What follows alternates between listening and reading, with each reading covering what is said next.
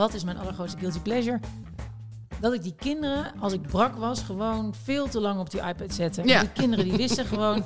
Ik weet nog dat Daan op een gegeven moment zei... Toen was ik, zat ik met twee kleine kinderen thuis. En toen zei hij van... eh, toen zei ze, eh, papa, we, we zijn een Playmobil poppetje kwijt. En toen zei hij, maar kan je mama niet even vragen of ze het kan pakken? En toen zei Kiek, het was echt twee jaar. Nee, mama is echt veel te brak. En ik lag in mijn bed. Ik echt dacht, oh, deze kinderen moeten nu gaan slapen. En de een op de iPad en de ander in bed gelegd. Ja, ik was zo laat thuis.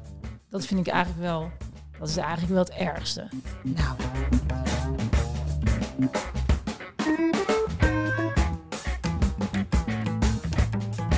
Ik ben Bridget, mega succesvolle aanster.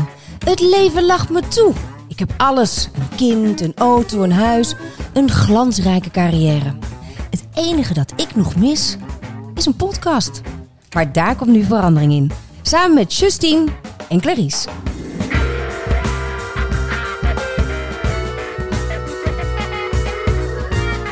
Wil je nou meer horen van Bridget and Friends? Luister dan eh, elke donderdag vanaf 2 uur. Alsof we gezellig met elkaar in de kroeg zitten.